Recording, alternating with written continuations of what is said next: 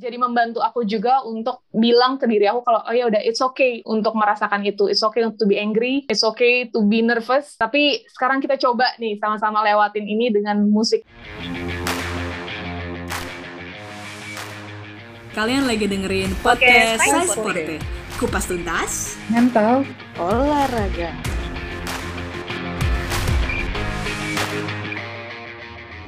Halo Sobat Gerak, Aku Ami. dan gue Dara sebagai host podcast Saya Sporte.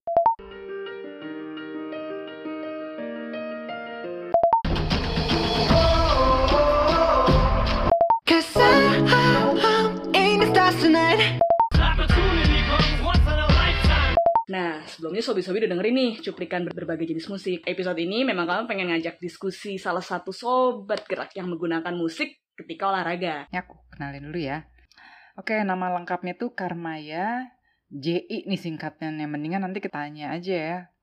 Apa sih singkatan dari JI itu?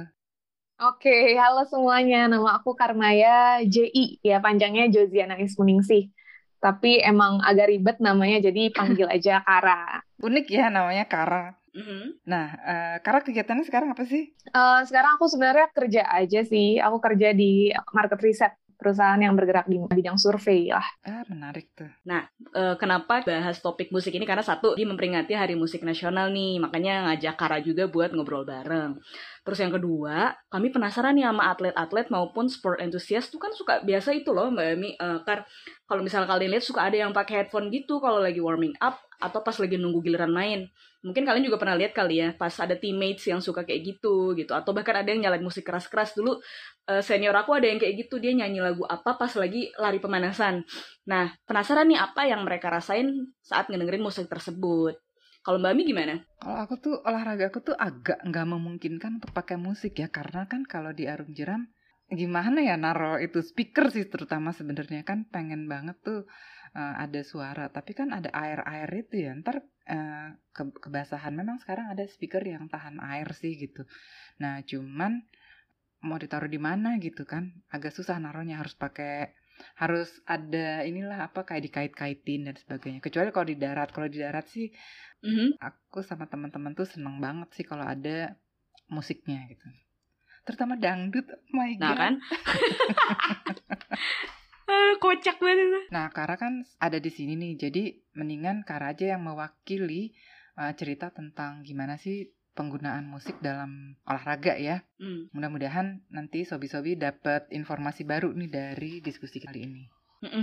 Kalau misalnya secara teori ya, kita agak ngomongin teori dikit, ada beberapa kegiatan sih yang memang dilakuin atlet ketika pre-performance. Jadi sebelum dia terjun ke lapangan gitu, sebelum dia latihan, sebelum dia tanding gitu. Mungkin ya Kara sama Mbak Ami juga sambil agak-agak flashback lah ya, macem-macem. Misalnya ada ada orang yang memang dia melakukan imagery atau kayak menghayal lah ya, membayangkan what if. Terus ada juga yang mungkin ada beberapa orang yang dia deep breathing dulu jadi kayak nafas panjang atau malah ngeliat-liat sekitar ada yang berdoa itu biasanya macem-macem dulu eh, senior gue yang lain dia selalu headstand dulu tuh. Sebelum tanding gue juga nggak ngerti maksudnya apa. Cuman buat dia itu bikin nyaman. Unik juga ya. banget itu itu senior futsal gue tuh aneh banget. Yalah yain aja gitu. Kalau Kara gimana? Sebenarnya sih ya mirip-mirip juga ya sama Mbak Ami. Maksudnya kalau misal lagi main futsal atau lagi tanding gitu, eh, kayaknya kalau pasang musik itu masih belum apa ya, belum biasa terjadi sih kalau kayak gitu. Jadi emang eh, musik tuh kebanyakan eh, berperan tuh sebelum sih, sebelum kita tanding, sebelum latihan, sebelum main bahkan itu di situlah yang biasanya eh, aku tuh ngedengerin musik gitu. Hmm. Iya, itu seru juga sih. Dulu pernah punya, punya pengalaman pas waktu lagi mau tanding karena nunggu perahu ya waktu itu di, di eh, dikeluarin artinya eh, apa tim-tim itu harus nunggu eh, kapan perahu diambil kan. Karena ototnya nggak boleh dingin, kami tuh apa menyalakan musik sajojo terus kami nari-nari gitu. Nah, itu semua tim-tim master woman yang ibu-ibu itu ikutan gitu, ikutan pada nari-nari sajojo itu. Seru banget terus buka panitia-panitia juga itu pada ikutan nari. Jadi di area situ tuh semua orang bergerak dengerin sajojo itu keren banget. Ya jadi semua pada ramah-ramah gitu ketawa-ketawa. Tapi begitu mus- eh, di fluid bunyi terus kami harus ngambil perahu langsung pada kereng-kereng lagi karena kan itu lawan-lawan juga ya timnya Nah, kalau Kara sendiri, kapan sih pertama kali mulai pakai musik di kegiatan olahraganya? Hmm, pertama kali ya. Sebenarnya dari uh, zaman SMA dulu gitu ya, pas aku udah mulai ikutan olahraga. Waktu itu kan olahraganya memang uh, apa namanya hiking ya, jadi banyak latihannya Hmm. tuh latihan fisik sebenarnya. Itu emang harus lari lah, keliling sekolah, segala macam. Itu di situ udah harus banget tuh pakai musik kalau nggak rasanya boring gitu. Rasanya karena aku aku sendiri bukan orang yang enjoy kegiatan larinya doang gitu tapi justru musiknya itu membantu aku buat ya menikmati lah gitu kegiatan yang aku lakuin itu. Jadi emang kalau di situ sih Hmm. peranannya musik memang jadinya dorongan lah buat aku untuk ngelakuin olahraga itu dan bahkan kadang aku suka uh, menghitung berdasarkan berapa lagu yang udah aku aku mainin gitu. Kayak misalnya udah mau berhenti nih kayak aduh satu lagu lagi deh gitu jadi kayak akhirnya akhirnya jadi ya patokan lah buat Hmm. aku Hitungannya udah bukan menit ya. Kocak. tapi bener itu awal-awal aku emang ini sih menyadari bahwa emang musik itu ternyata berperan lah dalam kegiatan olahraga gitu aku secara personal Hmm. terus berlanjut sih Hmm. sampai di uh, kuliah pun aku pribadi juga emang masih terus-terusan lah pakai musik gitu ya untuk menenangkan pikiran lah untuk sekedar naikin mood lah sebelum Hmm. latihan nih gitu itu aku uh, suka dengerin musik-musik yang semangat kira-kira gitu Tadi kan bilang ada musik-musik yang semangat nih, Kar. Hmm. Cuman secara umum atau ya ketika misal olahraga itu jenis musik apa sih yang biasa lo denger? itu macam-macam sih. Ya musik-musik yang semangat tuh Hmm. kan yang yang pasti yang beatnya emang lumayan cepat gitu ya. Terus dia gimana ya uplifting lah gitu. Terus sebenarnya yang penting lagi buat aku tuh selain musiknya yang emang uh, iramanya cepet bikin aku jadi uh, semangat itu juga kata-katanya. Oke. Ya musik tuh juga peranannya besar juga sih buat aku gitu. Itu kayak Hmm. aku lagi ngomong lah mensugesti diri sendiri gitu. Lirik-lirik yang positif yang ya mendorong itu bikin aku jadi itu nge-push diri aku buat semangat Hmm. dalam olahraga. Ah, kalau boleh tahu apa dong musik yang kamu denger? Pengen dapat contekan ya dari Kara? Yoi. Selera musik aku juga bukan yang kayak apa ya bagus lah gitu. Aku nggak terlalu pede Hmm. sih dengan selera musik. Mm-mm. Tapi yang aku inget uh, dari dulu ya zaman uh, zaman kuliah lah itu aku bahkan punya playlist yang judulnya Superheroes. Nah itu di dalamnya tuh ada aku masukin ada beberapa lagu The Script yang emang judulnya Superheroes. Hmm. Hall of Fame ya emang bener-bener bikin bergelora gitu ya. Coldplay pun juga ada kayak Viva La Vida gitu terus. Hmm. Wah banyak sih sebenarnya ya. Aku ada sih playlistnya nanti bisa aku share. Oh boleh. nggak tahu deh seleranya pas atau enggak tapi ya uh, Ah. kira-kira kayak gitulah gambarannya Ih, tapi aku juga Hall of Fame kok dengerinnya pas lagi kapannya terutama pas mau turnamen-turnamen pas akhir akhir tahun lah nian tahu tuh. Kalau aku Hall of Fame ya ya pasti tuh parah sih liriknya oke banget. iya Nah. betul iya liriknya kan benar-benar dari awal aja dia emang udah mensugestikan kayak uh, you can be the hero you can be the best gitu kan jadi kayak ini ini banget sih positif banget dan jadi kayak mensugesti diri diri kita gitu Ah, wah, itu memang ditargetkan buat temen-temen yang suka olahraga sih. Ini aku aja masih ngerinding. di yang superheroes juga katanya kayak you've been struggling to make things right. That's how su- superhero learns to fly gitu. Latihan yang berat gitu ya. Terus habis itu tapi itulah di mana kita belajar untuk ya terbang gitu. Meroket ya di situ. Jadi bikin semangat lah buat latihan yang fisik-fisik Mm-mm. tadi. Terus emang eh, ada bedanya Kar kalau pakai dan nggak pakai musik itu? Hmm, kalau nggak pakai gimana ya? Itu kayak istilahnya kayak doping aja sih Mbak. Jadi kalau nggak pakai pun ya sebenarnya ya olahraga juga gitu. Tapi dengan uh, aku pakai musik itu jadi kayak ada penambah apa ya moodnya gitu, uplifting moodnya untuk akhirnya aku jadi kayak self talk before exercise-nya gitu. Aku bilang aku bisa, aku bisa gitu dan Hmm. jadinya makin positif gitu terhadap latihan maupun terhadap kompetisi yang mau dihadapin. Lebih ke kayak gitu sih, Mbak. Yes.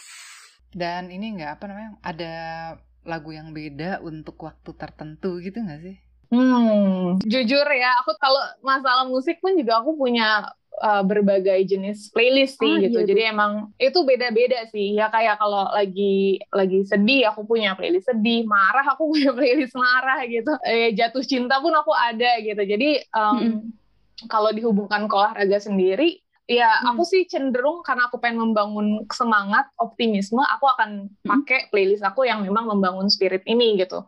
Buat lari pun kayak gitu gitu. Ada nih, aku merefleksikan kembali ya di pengalaman aku pas aku turnamen, aku tuh anaknya sebenarnya Hmm. kecemasannya cukup tinggi gitu. Jadi emang emang mudah banget buat aku buat kayak deg-degan deg- pada saat-saat seperti itu aku sebenarnya butuh penenang kan gitu eh, dan kadang akhirnya aku jadi menggunakan musik-musik yang lebih tenang sih untuk apa ya mengatur diri aku juga mengatur membantu aku mengatur nafas aku supaya calming the storm in me gitu sebelum nanti mempersiapkan diri lagi Ah. kira-kira gitu. Hmm, iya Jadi sih. pengen tahu contekan playlist jatuh cintanya, Dar?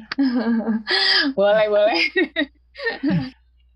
Itu itu masuk episode minggu lalu itu Mbak Ami harusnya minta Iya, juga lucu ya. juga tuh. Iya nanti bisa aku bisa bagiin juga playlistnya. Aku punya ya marah juga ada gitu. Itu aku nggak tahu sih itu aku doang atau teman-teman juga kayak gitu sih punya playlist berdasarkan mood sebenarnya. Gitu kok aku juga, aku gitu. Maksudnya tapi tidak sampai sedetil eh, setiap mood make sih, Kar. Aku tuh dulu ngebedain playlist yang untuk lari sama playlist ketika misalnya didengerin let's say ya kayak mau bilang sebelum tanding futsal itu kan beda ya. Di Eh, aku bahas sedikit teori juga ya Kar. Jadi karena kemarin aku waktu lagi waktu lagi tugas kuliah ngebahas soal ini.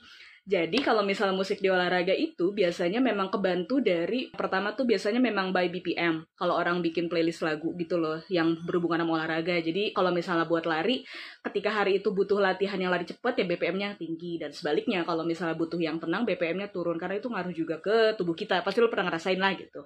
Kalau yang kedua emang pakai dari lirik lagu. Jadi seperti yang Kara bilang tadi, memang yang paling bagus tuh yang motivational atau yang ketika misalnya itu kamu lagi hit, lagi strength training atau memang cuman butuh yang ledakan-ledakan, pilih lirik lagu katanya yang cuman berulang-ulang.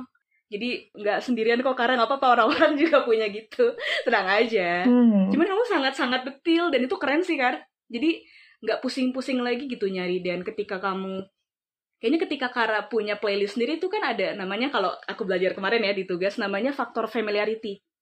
Sehingga ketika kadang-kadang kan kalau kita dengerin radio atau dengerin playlist random lah di Spotify let's say itu kan kadang kayak kita butuh familiaritas dulu kayak hmm, ini lagu apa. Kalau misalnya kamu udah pilih sendiri, biasanya lebih enak. Jadi kayak misalnya ketika mendengarkan Hall of Fame, jadi ada keinget sesuatu yang bikin semangat juga. Ah, ah, apa ya mbak Ami istilahnya? Ada deh yang kayak gitu. Emotional bonding. Ya, kayak emotional bonding atau teringat ya, let- let's say playlist jatuh cinta lah gitu. Kenapa? Karena milih lagu yang ono. Jadi mungkin lagi lagi sama mantan dulu hujan-hujanan di mobil lagunya itu gitu kan. Maksudnya itu pilihan pilihan kita ya balik lagi ke diri kita sih makanya mungkin yang tim ibu-ibunya Mbak Ami denger lagu Sajojo mungkin ada kenangan tersendiri di baliknya dan gak apa-apa banget kan terserah orang ya Iya betul. Nah, karena kan nggak semua orang ya terbiasa untuk dengerin lagu apa ya, terbiasa gitu, terconditioning lah istilahnya. Kalau Kara dulu gimana pengalamannya ketika awalnya waktu SMA belum terbiasa sampai sekarang jadi terbiasa sampai bikin playlist Hmm. sendiri Kar? Wah, kalau misalnya ngomongin gimana prosesnya, Hah? uh, aku sendiri apa ya, kayak nggak benar-benar ya merefleksikan itu sih gitu. Aku nggak tahu gimana gitu ya, tiba-tiba aku udah attach gitu sama musik, tapi. Aku lihat emang perjalanannya cukup panjang sih. Maksudnya aku Hmm. awalnya kenal ya dari paling coba-coba aja atau mungkin ngelihat teman-teman gitu ya yang ada yang pakai uh, uh, headset juga gitu pas lari. Hmm. Nah, Hmm. setelahnya sih sebenarnya jadi kayak kebiasaan kali ya. Jadinya oh ternyata asik juga nih gitu. Jadi ada semangat lagi, ada penambah, ada dorongannya gitu. Dan waktu aku menggunakan Hmm. musik itu aku bisa memaknai sebenarnya begitu aku memaknai musik-musik yang aku play gitu, jadinya aku ngerasa kayak ya itu ya conditioningnya ya di situ. Jadi aku jadi kepikiran gitu. Oh, aku udah ngelewatin ini gitu. Aku udah uh, kepikiran momen-momen tertentu yang bikin aku juga jadinya ya makin menikmati musik itu dan makin menikmati lah proses olahraga bersama dengan musiknya. Kayaknya lebih ke kayak gitu sih. Tapi di tengah jalan seperti apa gitu itu aku nggak bener-bener kayak melihat melihat itu kayak natural banget sih antara uh, musik dan olahraga itu dalam kehidupan aku gitu. Jadi makin banyak emosi positif yang terkumpul di lagu itu gitu kali ya? Kayaknya sih Hmm. gitu sih Mbak. Ya, karena kayak sekarang aja nih, kalau misalnya aku dengerin Hall of Fame, aku juga pasti ingetnya masa-masa itu gitu. Ya, emosi positifnya ya. Hmm. Ah, Iya, ada satu cerita menarik Hmm. sih sebenarnya pas lagi di Olimpiade UI itu antara itu atau ada kompetisi lainnya lah itu waktu itu emang Hmm. waktunya agak-agak berdekatan dengan satu dengan yang lain gitu. Nah di situ ya kita kan anak-anak psikologi juga nih ya. Jadi sebelum mulai tanding tuh kita benar-benar briefing, kumpul dulu gitu ya. Dan Hmm. yang menariknya waktu itu emang pelatih aku dia minta kita untuk tutup mata, visualisasi nanti kita akan masuk ke lapangan dan kita akan passing dengan maksimal, kita bisa mencetak, kita bisa mengungguli lawan gitu. Kita merasakan lah gitu ya sensasi-sensasinya. Terus setelah itu kita tuh dipasang benar-benar dipasang lagu Hall of Fame itu gitu. Dan itu, itu bikin aku jadi kayak semakin bergetar gitu loh. Eh, jadi mengamini setiap kata-kata yang ada di situ gitu ya. Walaupun emang beda-beda kan ya. Maksudnya kayak you can be astronaut you can be ini gitu. Tapi Hmm. di situ jadi aku ngerasa kayak emang ya you can be anything you want gitu ya. Kayak rasanya gitu loh. Jadi kayak emang membekas banget di aku. Dan emang nyatanya sih berjalan ke lapangan itu tuh aku dengan hopeful gitu ya dengan optimis semenjak saat itu gitu ya setelahnya aku ngerasa emang Hall of Fame ini jadi kalau dengerin lagu ini aku akan inget momen itu kompetisi Ah. itu gitu Wow. aku pas ngomongin pun juga ya kerasa gitu berkobarnya gitu ya pada saat itu Yes. tuh emang benar-benar mood yang sangat spesifik dan aku bisa dengan mudah gitu ya mengulang kembali apa yang terjadi waktu itu gitu. Keren Oke banget oke tuh. itu asik sih. Jadi asik otak banget. kita mengolah kata-katanya gitu ya, yang memang eh, cantik banget gitu liriknya gitu kan ya. Dan eh, emosinya juga maksudnya otak bagian yang mengolah emosi itu juga bekerja apa, menghadirkan emosi, emosi positifnya gitu kali ya. Iya, aku dengar-dengar yang dynamitnya BTS itu kadang teman-teman aku yang ngepost di di Instagram gitu ya, mereka bilang kayaknya nggak bisa bener-bener bangun deh tanpa lagu itu gitu. Jadi kayak Oh. Emang beda-beda sih ke setiap orang ya. Mm-mm. Iya bener tuh. Eh ngomong-ngomong ada aplikasinya nggak sih buat yang yang nggak tahu ya. Dulu tuh pas aku lagi rajin lari di Spotify tuh ada emang eh, inilah apa namanya kayak kayak fiturnya gitu yang kayak kita bisa pokoknya musiknya itu akan ke play random tapi ngikutin step kita gitu. Nggak tahu sih itu klaim beneran atau enggak. Tapi eh, akhirnya tuh aku pakai terus gitu fitur itu karena menurutku membantu banget gitu dalam aku lari mengatur pace aku gitu. Setelah itu sempat kayak hilang gitu. Jadi aku pengen tahu ada nggak sih sebenarnya eh, aplikasi atau apa gitu yang bisa ngatur musiknya berdasarkan pace-nya atau berdasarkan BPM tertentu ada nggak sih? Dar? cerdas sih tapi cerdas banget loh kalau misalnya ada. Nah, alternatif caranya adalah eh kalau di tempat kerjaku yang dulu jadi jadi kita tahu kalau pace kan memang bisa dihitung ya karya tahu kan ya kalau pace bisa dihitung. Nah, waktu itu aku bantu klienku juga untuk nge-converse untuk bikin playlist gitu. Jadi salah satu yang aku rekomenin yaitu lagu yang yang satu lagu yang kamu suka, kedua yang memang menimbulkan memori yang baik lah di masa lalu gitu ya. Nah, terus eh ya lirik ya serah dia lah pokoknya preference-nya dia. Nah, yang ketiga tuh konversi dari pace ke BPM itu ada di Google. Coba cari deh. Itu jenius banget sih memang. Jadi, kalaupun memang tidak otomatis kan mungkin Kara tahu ya bahwa aku rata-rata seperti ini pace-nya atau aku membutuhkan secepat ini atau selambat ini. Nah, itu tinggal dikonversi. Udah ada di Spotify itu suka banyak kok pilihannya. Jadi bisa dicari berdasarkan BPM ya kalau di Spotify ya. BPM dan eh BPM tapi ya sebelumnya perlu dikonversi dulu kamu tahu pace kamu berapa atau targetnya berapa bisa dikonversi karena ya sebenarnya kan pace adalah ketukan jadi ya kamu bisa pakai eh, untuk keuntungan kamu sebenarnya tinggal pinter-pinternya aja sama kayak tadi yang milih lirik pun kayak gitu kamu udah udah keren banget sih itu ya juga ya aku tidak pernah realize Iya bener. Mesti paham arti liriknya ya. Mm-mm. Itu kali salah satu tips yang unt- kalau untuk sobi-sobi yang baru mau mulai pakai atau dengerin lagu ya dalam berolahraga. Nah, kalau dari Kara sendiri ada nggak tips eh, buat sobi-sobi nih yang baru mulai mau bikin playlist atau manfaatin musik atau lagu gitu ya dalam kegiatan olahraga nih? Hmm, kalau ngomongin tips eh, tadi ya, karena aku pun sendiri mem- membuat playlist tuh based, based on moodnya, based on emosi. Menurut aku salah satu yang penting juga ini sih, tahu dulu gitu ya, apa yang lagi kita rasain gitu, apa yang lagi kita eh, butuhkan juga pada saat itu. Jadi kan ada mood-mood di mana yang yang emang down atau mood marah gitu. Itu aku bahkan bisa pakai itu berbeda gitu loh jadi kalau Hmm. mood aku marah bahkan sebelum tanding itu bisa juga aku, aku ya udah aku validasi gitu ya dengan musik sebenarnya jadi kalau dari aku pribadi ya yang pertama sih uh, know what you feel dulu gitu. Coba rasain apa sih yang lagi kepikiran, apa sih yang lagi bergejolak di hati. Terus abis itu kita juga tahu yang kita butuhkan sebenarnya. Apakah kita butuh butuh untuk lebih tenang atau butuh untuk uplift spiritnya atau butuh untuk meluapkan emosi kita itu. Nah di situ kita bisa jadi cari setelahnya gitu karena kita udah tahu nih, oh kita butuh ketenangan. Oh kita butuh lagu-lagu yang marah gitu karena karena gue lagi marah gitu. Di situ kita bisa pilih-pilih lagu-lagunya gitu dan melalui musik itu sebenarnya jadinya kita bisa uh, kayak kalau buat aku itu kayak self talk lah gitu. Jadi memvalidasi apa yang aku lagi rasakan terus jadi membantu aku juga untuk bilang ke diri aku kalau oh ya udah it's okay untuk merasakan itu. It's okay to be angry. It's okay to be nervous tapi sekarang kita coba nih sama-sama lewatin ini dengan musik itu gitu. Nah itu sih. Jadi kayak mengkondisikan diri aku. Dan ya tips yang lainnya sih sebenarnya gitu ya. Sesuaiin juga sama beatnya, sesuaiin dengan uh, dengan selera kita juga. Jadi bikin playlist yang personal itu menurut aku akan sangat membantu sih. Karena Dara bilang tadi ada familiarity juga gitu, ada ada kenangan-kenangan tertentu juga gitu.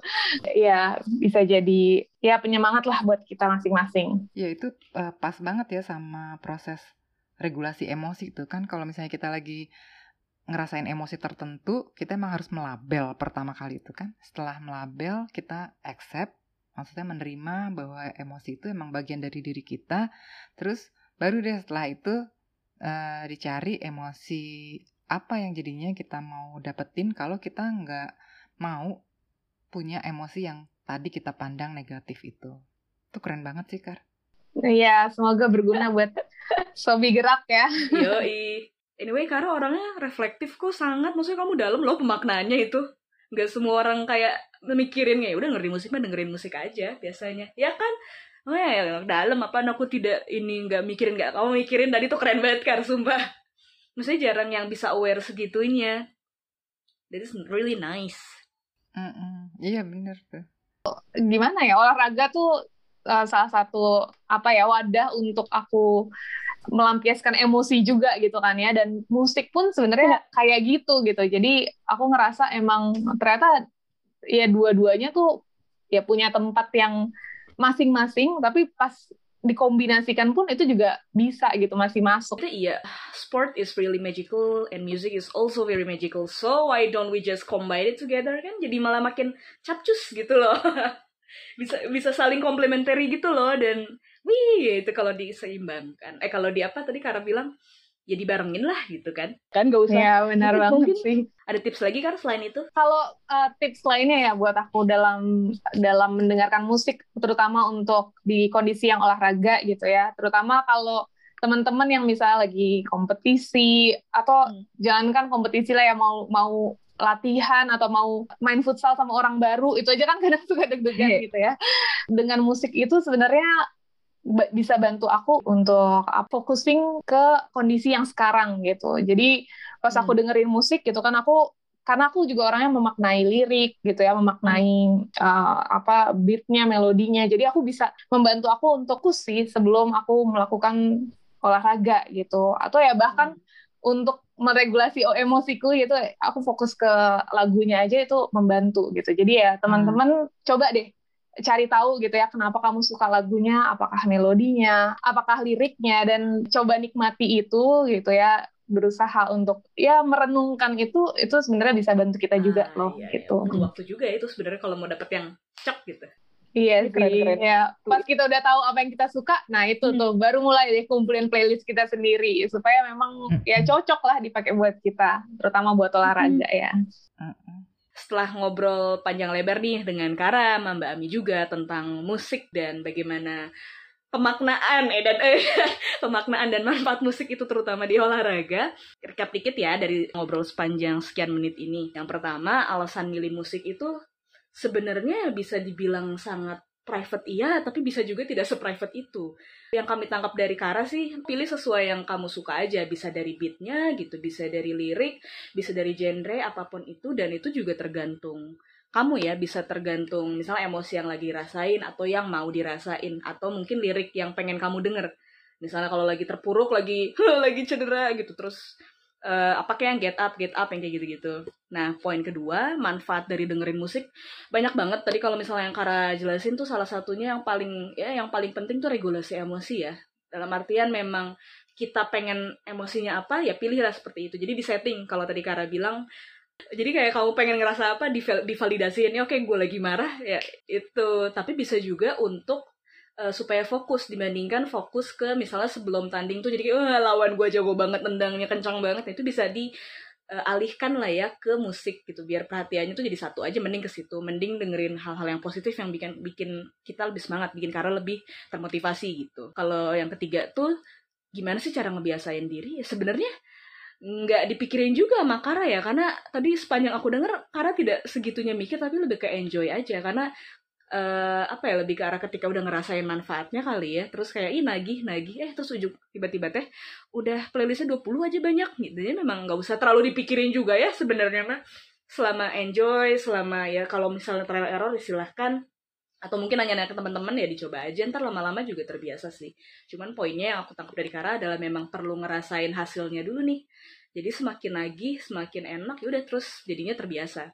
Kalau udah terbiasa sih enak jadi ya apa ya jadinya flow gitu ngalir. Iya betul. Iya bener sih. Aku pun juga da dari segi apa ya permusikan itu sangat luas sih. Menurut aku ya gitu. Yang uh, bahkan yang ya Taylor Swift gitu ya. Terus habis itu musik-musik rohani itu hmm. aku juga menikmati itu. Dan emang beda-beda hmm. sih pas lagi di sini. Misalnya aku nikmatin beatnya gitu. Yang satu nikmatin uh, liriknya. Jadi ya sebenarnya kita coba refleksikan aja apa sih yang kita suka gitu. Dari situ kita bisa coba ngumpul-ngumpulin dan make it personalized gitu buat kita.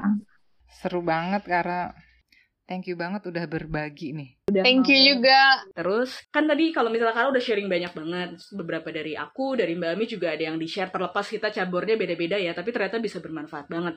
Nah, makanya kami mau tahu nih kali-kali ada juga pengalaman yang Sobi gerak rasain terkait dengan olahraga dan musik.